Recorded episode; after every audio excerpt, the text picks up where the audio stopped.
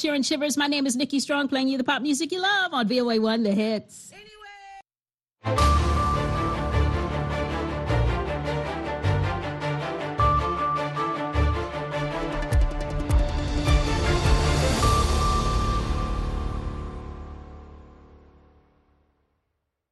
halkani waa washington laanta afka soomaaliga ee v o a oo aad ka dhageysanaysaan mawjadaha gaagaaban efmida geeska africa iyo caalamka oo dhan oo aad nagala socotaan v o a somaly com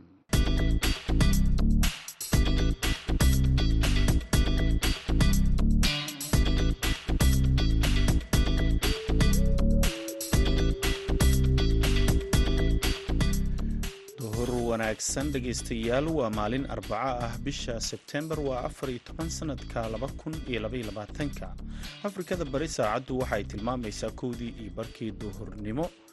Barnaamijka dhallinyarada idaacaddeenna duhurnimona waxaa idinla socodsiinaya anigoo ah cabdulqaadir samakaab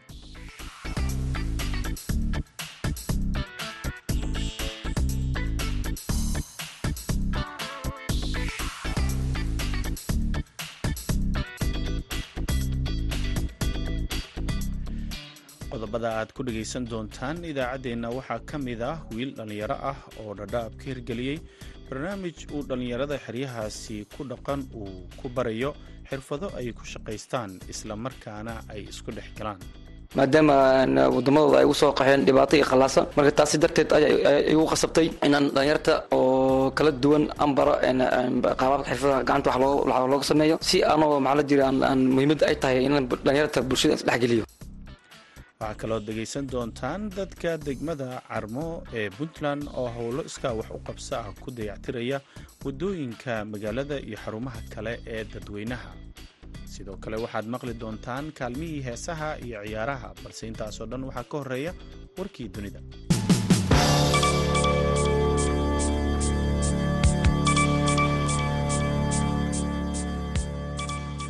gudoomiyaha cusub ee gobolka banaadir ahna duqa muqdisho yuusuf xuseen jimcaale ayaa sheegay in amidarada ka jirta gobolka ay tahay laba qaybood oo kale ah.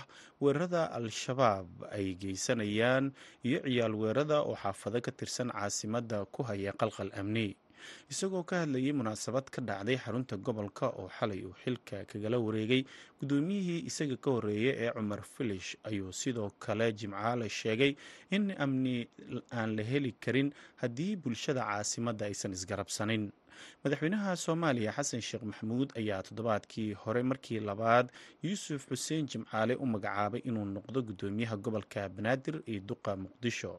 Qoraal la soo dhigay barta facebook ee madaxtooyada soomaaliya ayaa markii gudoomiyaha cusub la magacaabayay lagu sheegay in madaxweyne xasan sheekh uu ka filayo duqa cusub inuu muhiimad gaara siiyo amniga iyo xasiloonida caasimadda xoojinta wadashaqaynta laamaha amniga iyo bulshada gobolka banaadir dib u heshiisiin iyo baahinta adeegyada bulshada.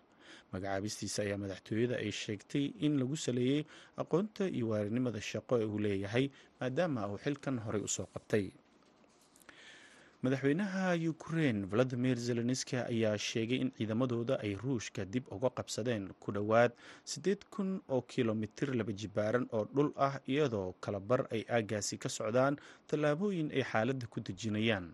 Khudbadiisii habeenlaha ee talaadadii ayuu ku sheegay in lala xisaabtamayo waxa ugu yeeray qaswadayaal ku duulay dalkiisa iyo kuwa la shaqeeya wuxuuna tilmaamay in isagii ciidamadiisa ay aada muhiim ugu tahay inay dib u soo ceshadaan dhul laga haystay.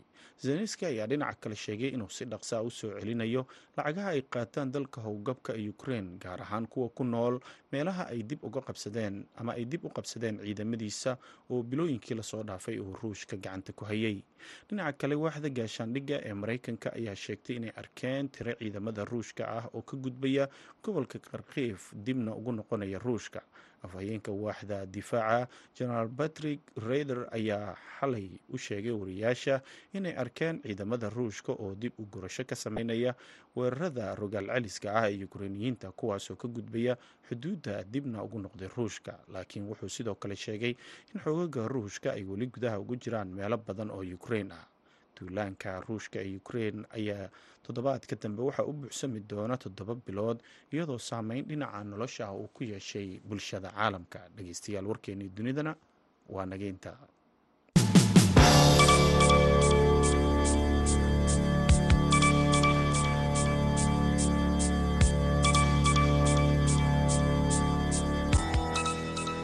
halkaaad warkaasi ka dhageysanayseen waa idaacadda v o a oo idinkaga imaaneysa washington duhur wanaagsan markale dhegeystayaal nuur aadan oo ah wiil dhallinyaro ah kuna nool xeryaha qaxootiga dhadhaab ayaa u istaagay ku dhiirigelinta dhallinyarada ku nool xeryaha qaxootiga dhadhaab muhiimadda ay leedahay nabadda iyo isdhexgalka dhallinyarada nuur bare aadan ayaa uga waramay waxyaabaha ku dhaliyey in dhallinyarada qaxootiga ku ah dhadhaab uu ku dhiirigeliyo nabadda iyo isdhexgalka. Wariyaha v o eda ee xeryaha qaxootiga dhadhaab axmed nuur maxamed cabdulaahi yagool ka mid ahay dhalinyaro ka mid ah qaxootiga xerooyinka dhadhaab waxaan ka mid ahay scouting scout si aan u soo biri scouting waxyaaba fara badan ayaa ka faa'iday bulshada taasoo ah isdhexgalka bulshada maadaama qowmiyad fara badan ay ku nooshahay maxaa jira xerooyinka marka waxay sababtay taas scouting waxay sababtay maadaama qaxootiga intaasoo bulsho ay degan tahay oo kala dhalasho kala duwan leh marka taasi waxay tustay inay maxaa jira bulshada isdhexgalaan nuur waxaad ka mid tahay dhalinyarada ku nool xerooyinkan qaxootiga ee dhadhaab waxaad u istaagtay in dhalinyarada aad ku dhiiri geliso dhanka farsamada gacanta iyo weliba sidoo kaleeto isdhexgalka dhanka dhalinyarada dhexdooda. Waxaan ognahay dhalinyaro fara badan oo qowmiyado kala duwan ka soo jeeda ku nool xerooyinkan qaxootiga ee dhadhaab marka maxaa kugu dhaliyay arrimahan? Waxaa igu dhaliyey arrintan inay maxaa la jiray bulshada ay isdhex gasho si nabad ah nabad ay ku noolaato maadaama wadamadooda ay ugu soo qaxeen dhibaato iyo khallaasa. Marka taasi darteed ayaa igu qasabtay inaan dhalinyarta oo kala duwan aan baro qaababka xirfada gacanta wax looga sameeyo si anoo maxaa la jira aan muhiimadda ay tahay inaan dhalinyarta bulshada isdhexgeliyo arrimaha dhanka nabadaad aad culayska u saartaa markay noqoto in dhalinyarada aad ku dhiirigelisa dhanka nabadda iyo wada noolaashaha qaababkeed u martaa? Waxaan u maraa anigoo bulshada dhalinyarta dhammaan isku keeno oo maxaa la jiray wixii hore dhacay iska iloobaan si oo maxaa la jiray gacmo wada jiro waxaa la geela isu dhaqdaa gacmo wada jira geel gacmo wada jir ayaa maxaa la jira waxay ku qabtaan marka maadaama ay dhalinyarta kulli ay dagaal sokeey jira waxba iska dhaceen iyo qalaasad badan iska dhacay. In wax walba aan iska muhiim tahay. Marka markii aad ku dhiirigelinayso dhanka farsamada gacanta maxay tahay farsamada gacanta qaybahaad ku dhiirigelisa dhalinyarada ku nool xerooyinkan qaxootiga ee dhadhaab waxaa ka mid ah inay bartaan xirfadaha oo gacanta lagu sameeyo sida harqaamada si loo talo sidii maxaa jira wiilinka loo sameeyo sida loo sameeyo maxaa la jiray alaabaha kaloo gacanta laga sameeyo. Waxaa ka mid ah si hadda ma hore sida dhacday corona markuu dhacay dhalinyarta waxaan barnay si maxaa la jiray caag oo loo isticmaalo lugta loogu isticmaalo xerka lagu xiro oo qaybta naafeeda loo isticmaalo ayaan barnay. Nuur inta badan markay bulshada isu timaado ama goobaha markaasi xafladaha la isugu imaado inta badan arrimaha nabadda muhiimadda ay leedahay ad ka hadashaa. Marka nin dhalinyaro u jooga xero qaxooti islamarkaana dhalinyaradii kale ku dhiirigelinaya nabadda muhiimadda ay leedahay iyo isdhexgalka maxay kaaga dhigan tahay? Waxay ka dhigan tahay hadda anigoo si hadda aniga haddan iska bilaabo qisadayda anigoo yar halkan imaaday soomaaliyan ka soo qaxnay waxay i tustay qalaasii soomaaliya ka dhacay waxaan ku waayay waalidiinteeda qaar ka mid ah sida abtiyaashii adeeraashii ayaan ku waayay saa darteed marka waxaana doonayaa dhalinyarta soo kaceysa ina maxaa la jira mustaqbalkooda uu ku hagaaga si nabad ah nabad ay u bartaan qaabka nabadda loo noolaado iyo faa'iida nabadda ay leedahay. Marka hadda waxaan joognaa qaxootiga qaxootiga waxaan joognaa saddexda xeraba waxaan joognaa ilaa soddon sano ayaan joognaa. Taasi waxayna bartay si looga noolaado nabadda. Nabadda aad bay muhiim u tahay waa sheyga koowaad oo qofka biniaadanka uu u baahan yahay. Haddii qalaaso ku noolaata dhibaato fara badan ay qalbigaada u geysanaysaa. Weligaana maxaa la jira fikir iyo maxaa la jira niyajab ay ku jiraysaa. Bas haddaa nabadda ku noolaata habeenka si wanaagsan u sooxanaysaa laakiin madarna dhalashooyinka dadka faraha badan si wanaagsan ay u dhaqmaysa hadda intaasoo bulsho ayaa degan qaxootiga dhadhaab oo kala duwan oo qabiilo fara badan oo kala duwan iyo ajniyaba kala duwan degan way isdhex galaan si nabadda nabadda marka wax weyn fara badan ay leedahay nuur markii aad ka hadlaysa nabadda adoo xero qaxooti jooga waxaad sheegtay in dagaaladii sokeeye ee soomaaliya ka dhacay in qaar ka mid eheladaada aad ku weysay taasina ay kugu dhiirigelisay inaad nabadda u istaagto. Marka dadkan ku nool xerooyinkan qaxootiga ee dhadhaab fahan intee leeg bay ka haystaan muhiimadda ay leedahay nabadda. Bulshada sidii hore maahan hadda way fahmeen faa'iidooyinka ay leedahay nabadda way fahmeen. Sidii hore ma sidii hore maxay ahayd maxaa kan iska fiiri kan iska fiiri ku jirtay balse hadda way fahmeen qof walba oo maxaa la jira oo bilaadan ah inuu maxaa la jira ay ka muhiimsan tahay nabad oo nabad ay muhiimsan tahay oo ku noolaashada nabad ay muhiim tahay oo habeenkii aad iska saxanayso gurigaada adigoo taa adigoo marka waxyaabo fara badan aad bay maxaa jira bulshada ay ku soo kordhisay programka haddan aawada ee nabadda. Waayahay markay timaado marka in arrimaha nabadda laga hadlo tusaale ahaan oo kale iskuullada tagtaa goobaha dhallinyarada isugu imaadaan oo kaloo tagtaa inta badanna waxaad kala hadashaa muhiimadda nabadda ay leedahay. Ma jiraan qaar ka mid a dhallinyarada oo sideedoo kale ku dhiiraday in dhallinyarada kale ay ku wacyigeliyaan muhiimadda ay leedahay nabadda iyo wada noolaashaha ha waa jiraan kuwo fara badan hadda aniga maxaa la jira markaan aan programkan awaday oo igu raacay oo hadda garab istaagan oo nabadda aad u jecel maadaama ayaga naftooda ay ay ku waayeen waalidiintooda qaar ka mid ah horan u sheegay aniga camal. Marka waxay dhaheen fikirkaa fikir wanaagsan waaye aad wado marka anagana waa gura garab taaganahay. Si waaga la soo ilaa hadda waxyaaba fara badan ay bulshada aan aan ka bedelnay ayagana ay nagu raaceen maadaama hadda isdhexgal bulsho ah oo qowmiyad walba leh si hore aan u sheegay iskoolahana ardayda maxaa la jiray from different wadamo kale ay ka yimaadeen. Soo marka inay wada nolosho ay ku noolaadaan galaaska dhexdiisa oo nabadda ay ka muhiimsan tahay wax walba oo mid kalu fadhiya iyo kan iskuulka jooga iyo kan xaafadda jooga iyo ku kalaaba iyo mid kulli walaal yihiin ayaan barnay. Marka qorshaha ma kugu jirtaa in dadaalkan aad wado ee ku saabsan dhanka nabadda in berri ka maalin markay soomaaliya dib loogu laabto amaba aad ku laabato inaad sii wado arrintan ku saabsan u istaagidda wada noolaashaha iyo nabadda. Meesha haddaan hiigsanayo hamigii waa meeshaasba marka hadda loo laabto dalka soomaaliya. Waxaan rabaa si oo maxaa la jira iskii ah inaan maxaa la jira aan ugu istaaga muhiimadda iyo faa'iidooyinka ay leedahay isku noolaashada ay leedahay nabadda maxaa la jira faa'iidooyinka nabadda ay leedahay. Ayaan rabaa qorshe aan ka wato waa inaan qorshahaas marka soomaaliya loo laabto aan dadka waaweyn culammada ardayda kulli inaan bara muhiimadda ay leedahay nabadda. Waxaad ka dhawaajisay in qorshahay kugu jirto markaad soomaaliya dib ugu laabato hamigaagana uu yahay inaad dib ugu laabato soomaaliya. Si dadaalada nabadda aad wado aad u gaadhsiiso dhallinyarada xagga joogta. Waxaad ka dhawaajisay culimaa udiinka culimaa udiinka naftooda ma gaadhsiisaa fariimaha ku saabsan dhanka nabadda inay sii gaadhsiiyaan bulshada inteeda kale? Ha waan gaarsiiyey ayaga naftooda. Culammada waan u sheegay in maadaama maxaa la jira aan u taaganahay xerooyinka iyo meel walbo soomaalida joogta meel walbo qof bilaadan u joogo inaan nabad buuxda laga helayo xasilooni iyo ammaan ammaan hufan. Taas xitaa ay maxaa la jira garab naga siisa maxaa la jira laamaha laamaha amniga culammada iyo dhalinyarta kulli kulli dhammaanba waan u sheegaa waan ka waan ka wacyigeliyaa ugu dambayntii marka nuur maxay tahay fariinta aad u diraysa ee dhanka nabadda waxaan ognahay dhallinyarada inta badan in loo adeegsado colaadaha ee islamarkaana in badan oo ka mid a dhallinyaradana dhanka wanaagga iyo nabadda ay ka shaqeeyaan. Marka maxay tahay fariinta aad u diraysa dhallinyarada soomaaliyeed ee ku nool xerooyinkan qaxootiga ee dhadhaab? Ama meel kasta oo soomaalidu ay degto? Halkan waxaan u baaqayaa dhalinyarta iyo qof alle qofkii soomaaliya fahmaya nabadda aad baa muhiim u tahay colaad wiil unbaa ku dhinta wiil kuma dhasho. Taasi marka waxaan dhihi lahaa aan ku dadaalna nabadda iyo isku wada noolaashaha ayaan dhihi lahaa. Midda kale aan raacinaya waxaa waaye walaalka intaa maxaa dhihi jiray aad ka aargusan lahayd waxaa ka wanaagsan inaad u sabarto. Marka nabadan muhiimadeeda aad bay ay wanaagsan tahay. Marka waxaan dhihi lahaa marka soomaaliyay meel walba aad joogtaan waxaan idin dhihi lahaa aan idinku gawaabi lahaa inaa maxaa dhihi jiray colaadda iska dhaftaan colaadda wiilbaa wiilbaa ku dhintay wiil kuma dhasho. Marka waxaan codsanayaa dhalinyarta soomaalida meel walba joogaan inaan dib aan u laabano dalkeena soomaaliya aan ugu istaagna si alal si aan u dhalin lahayn nabadda soomaaliya. Colaadaha maxaa la jira raadka nagu reebay oo qalbigeena maskaxdeena hadda maxaa la jira weli ka qaylinaya waxaan rabaa aan inaan u bedelna qaab nabad ah oo walaaltinimo iyo nabad aan ku noranaan kaasi waxa uu ahaa nuur barre aadan oo ka mid a dhallinyarada ku nool xeryaha qaxootiga dhadhaab ee dalka kenya. Wuxuu u waramayey wariyaha v o eda axmed nuur maxamed yagool. Markana dhegaystayaal waxaad ku soo dhowaataan kaalmihii heesaha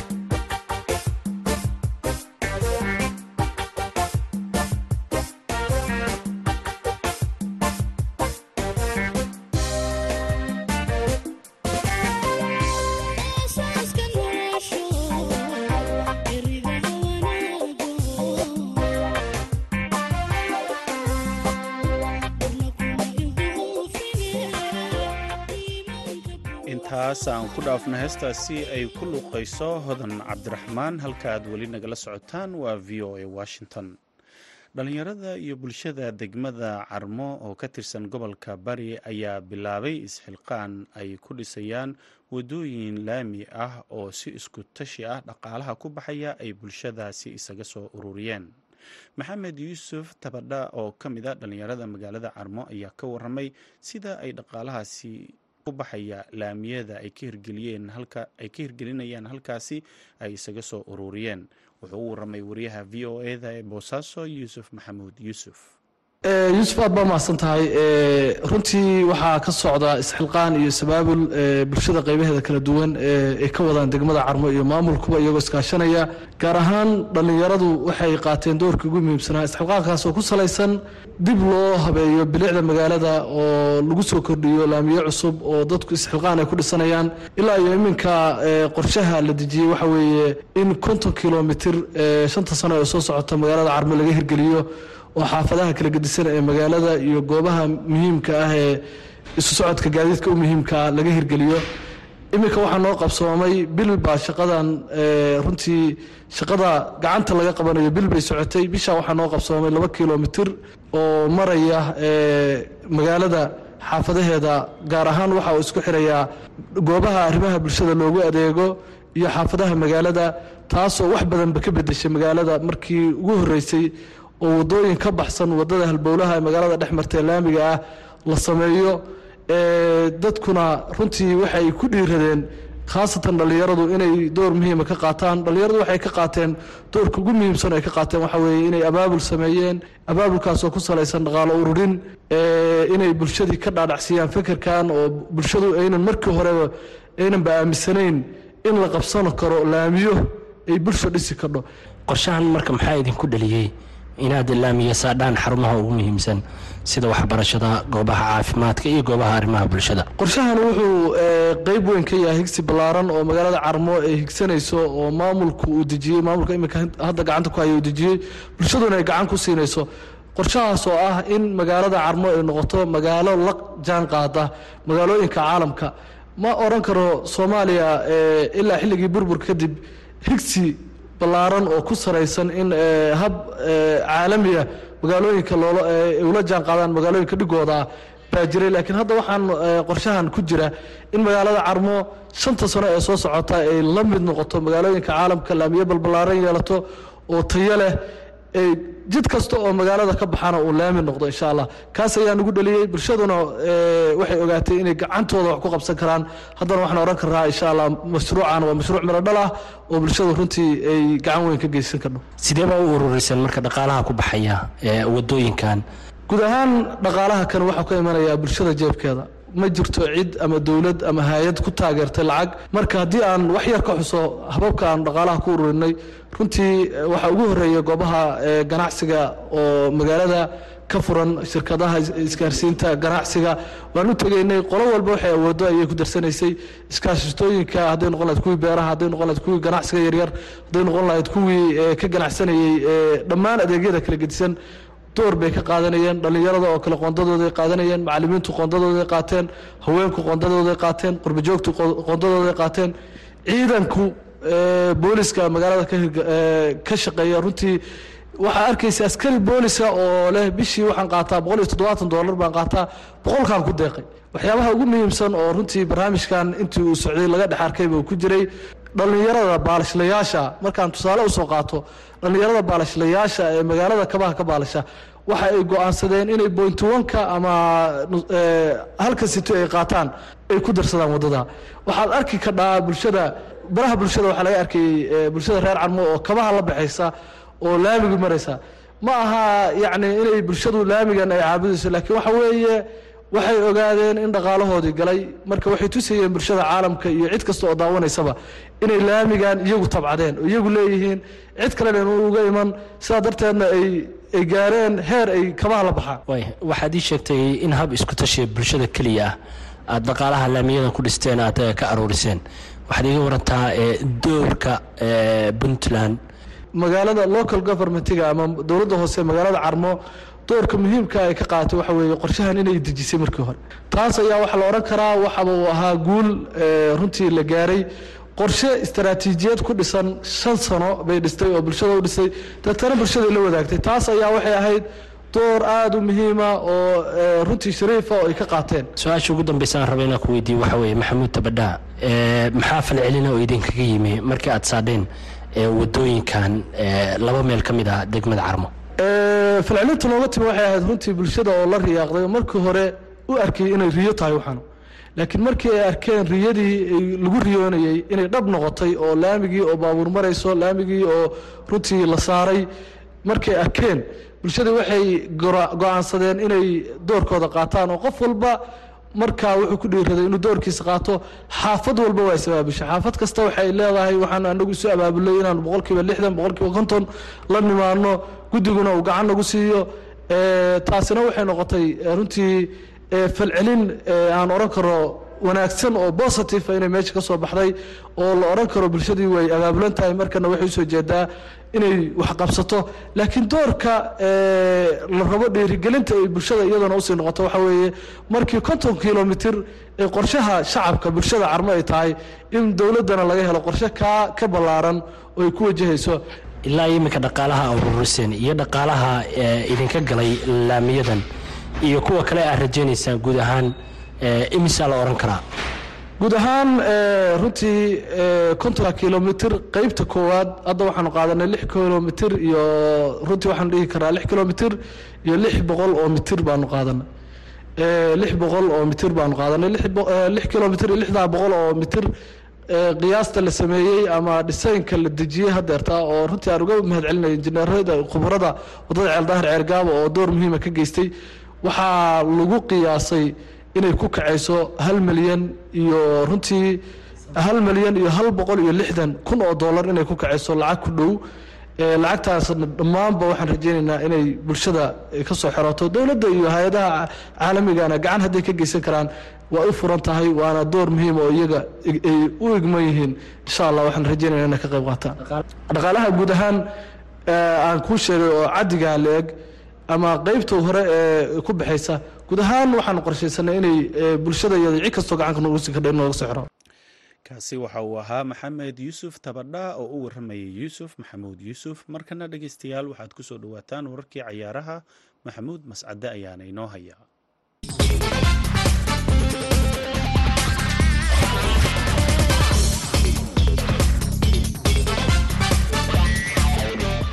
kulan wanaagsan dhegeystayaal dhammaantiinba kuna soo dhowaada xubinta ciyaaraha. Waxaad maqli doontaan falanqeyn ku saabsan guuldaradii ku dhacday kooxda kubadda cagta barcelona wixii keenay laakiin aan ku hormaro gegida anfield. Kooxda kubadda cagta ee liverpool oo toddobaadkii hore guuldaro xanuun badan kala soo noqotay gegida diego armanda maradona ee kooxda kubadda cagta ee naaboli ay ku ciyaarto. Ayaa habeenkii xalay ahaa dirqi waxaay kaga baxsatay kooxda kubadda cagta ee ikis ciyaar u muuqatay inay barbaro ku dhammaanayso laakiin daqiiqadii ugu dambeeyey ciyaaryahan joe matib difaaca u dhashay wadanka cameroon ayaa ka fuujiyey kooxdiisa kubadda cagta ee liverpool oo shabaqa ku talay gool sidaasina laba gool iyo hal ugu suuro geliyey inay kooxdu dibirtii toddobaadkii hore kaga galgalato bayer liverkuson waxay dharbaaxday kooxda kubadda cagta atletica madrid laba gool iyo waxba ayay ku dhafatay laakiin club rouge ayaa ka naxsatay taageerayaasha wadanka bortugiiska ee kooxda kubadda cagta f c borto afar gool iyo waxba ayay hooyeen kooxda kubadda cagta ee tottenham hatsba ayaa iyaduna guuldaro taa la mid ah oo wejigabax leh kala soo noqotay garoonka kooxda kubadda cagta sportis lisbon ee wadanka bortugiiska laba gool iyo waxba ayaa lagu soo diray. Maqse toddobaad kale oo guuldaro ah ayay la kulantay oo kooxda eintracht frankfort ayaa ku guulaysatay kooxihii jarmalka toddobaadkan waxaad moodaa in ay guusha isku soo ballansadeen. Kooxda kubadda cagta ee interna waxa ay ku soo badisay guriga victoria blazon oo laba gool iyo waxba ay ku soo guulaysatay laakiin kulankii toddobaadku waxa uu dhex maray kooxaha kubadda cagta ee bayer munich iyo barcelona. Ciyaar xiise badan ayay labada kooxood soo bandhigeen. Qaybtii hore ciyaarta waxaa gacan sarraysay barcelona. Fursado badan oo heshay. Uma aanay suuro gelin in ay kooxdu wax goolala dhaliso. Levandowski ayaa ku hor kufay taageerayaashiisii uu muddada calanka u sidi jiray. Kooxda kubadda cagta ee bayer munich qaybtii dambe ciyaarta laba gool iyo waxba ayay ku guulaysatay lucas hernandes iyo leroy sane ayaana goolashaasi u kala dhaliyeen. Haddaba maxay tahay guuldaradan xanuunka badan ee kooxda kubadda cagta barcelona ay la kulantay? Waxaa keenay. Su'aashaasi waxaa ka jawaabaya irshaad maanafaysto oo ciyaaraha ka faallooda kuna sugan magaalada minneapolis ee gobolka minnesota. Ahayd ciyaaruhu halxiraale aada u adag oo aanay furfuri karin uu horyaalay kooxda barcelona oon ognahayba in ay ku adag tahay ama weligeedba baan odhan karno kumay badin garoonka kooxda bayer. Markii ugu dhoweed waxay ahayd labadii kun iyo sagaalkii oo ay maxaan ku dhaa hal iyo hal ay kula galeen garoonkooda. Marka kooxdan bayer ayaaba iska ahba koox mar walba ka adag kooxda barcelona. Oo xitaa iska daa gurigeeda ee intay xitaa camnu ugu tagto aan ognahay inay inay dhibcaha ka soo qaadato oo sannadkii hore kale ay labadii lugba saddex iyo eber iyo saddex iyo eber ay labada guri ku qaateen. Marka kooxda bayer mar walba way ka adag tahay oo wax iska caadiya inay si fudud ay ku dhaafto kooxda barcelona. Balse barcelona ayaa barashar badan saarnaa oo iyadu dooneysay in ay soo gebagabeeyaan taariikh xumadaas iyo magac xumada uga imaaneysa kooxda dhigooda ee jarmalka. Ciyaartan haddii si la eego dabcan way ku kubad sareeyeen way ka kubad fiicnaayeen way ka jaanisya badnaayeen oo way isku dayeen inay badiyaan balse ma uu suuragelin ciyaaryahan landaweski oo ah weerarka cusub ay ka soo iibsadeen kooxda bayer oo maanta kooxdiisii ka hor imaanayena waxaabad moodaa in si kastoo u shidnaa iyo rajo kasta oo laga qabay koox taqaana ciyaartiisa iyo dafdaftiisa inay heshay. Jaanisadii uu helayna uu ka faa'iideysan waayey. Kulamada kale ee xiisaha badan ee caawa dhacaya ayaa waxaa ka mid a kooxda kubadda cagta ee rangers ayaa magaalada glasgow. Waxay ku soo dhaweyneysaa kooxda kubadda cagta ee napoli ac milan sansiro stadium waxay isku hirdinayaan kooxda dynamo zagreb chelsea oo macalin cusub oo laylinayana gegida stanford bridge f c zalzburg ayay ku kulmi doonaan shakhtar doneski celtic ayay waxay ku wada ciyaari doonaan wadanka poland oo guri ahaan ay shakhtar doneski ugu ciyaarayso maadaama dalkeeda uu dagaal ka jiro real madrid. Waxa ay soo dhaweyneysaa kooxda rb leipzig halka kooxda kubadda cagta ee f c copenhagen ay sevilla la kulmi doonto. Kulanka sida weyn isha loogu hayase caawa waxa uu dhex marayaa kooxaha kubadda cagta ee manchester city iyo brushia dortmund. Ciyaaryahan halland ayaa markii ugu horreysay ka hortegaya kooxdiisii hore ee brushia waxaa la isweydiinayaa haddaba caawa kulanka ay labadan kooxood isku hirdinayaan halan wacdare ma ka dhigi doonaa oo kooxdiisii hore goolal ma ka dhalin doonaa manchester cityse ma la qaban doonaa oo jilbaha dhulka ma loo dhigi doonaa? Mar kale waa kan irshaad waa kulan isaguna aada u xiiso badan waa laba koox oo aada u adag balse man city marka laga hadlayo ama ay kooxdan ay ka hor timaado iyadna waa mid u badan inay ka gacan sarreyso. Labadii lugood ee u dambeeyeyna waxaan ognahay in ay laba iyo hal ay ku badisay kooxda manchester city. Waabase iyadoo sanadkan aan odhan karno waxay haysataa ciyaaryahan halan marka waxa isha lagu hayaa waxay tahay ciyaaryahan halan oo ka hor imaanaya kooxdiisii hore. Ma joojin doontaa kooxdiisii hore taqaanay sidii ay maanta ama ciyaartii shalay aan idhaahda ay u joojiyeen kooxda bayer ay isaga ilaaliyeen landaweski anigu u malayn maayo halan in ay joojin karaan. Waayo difaacyo badan oo ka adag iyo kooxo kale oo brushia ka xoog weyn oo ka hor yimidba way joojin kari waayeen. Looba joogay caawa. Haddii manchester laga nixiyo laga yaabsado iyo haddii ay sideedii guul kale gegida itixaad ay ku hesho. Waa hagaag dhegeystayaal guud ahaan. Xubinteena ciyaaraynta ayaan ku soo gabagabeynaya tan iyo kulan dambe mascado idila sida ay nabadgelyo mahadsanid mascade idaacaddeenniina waa naga intaa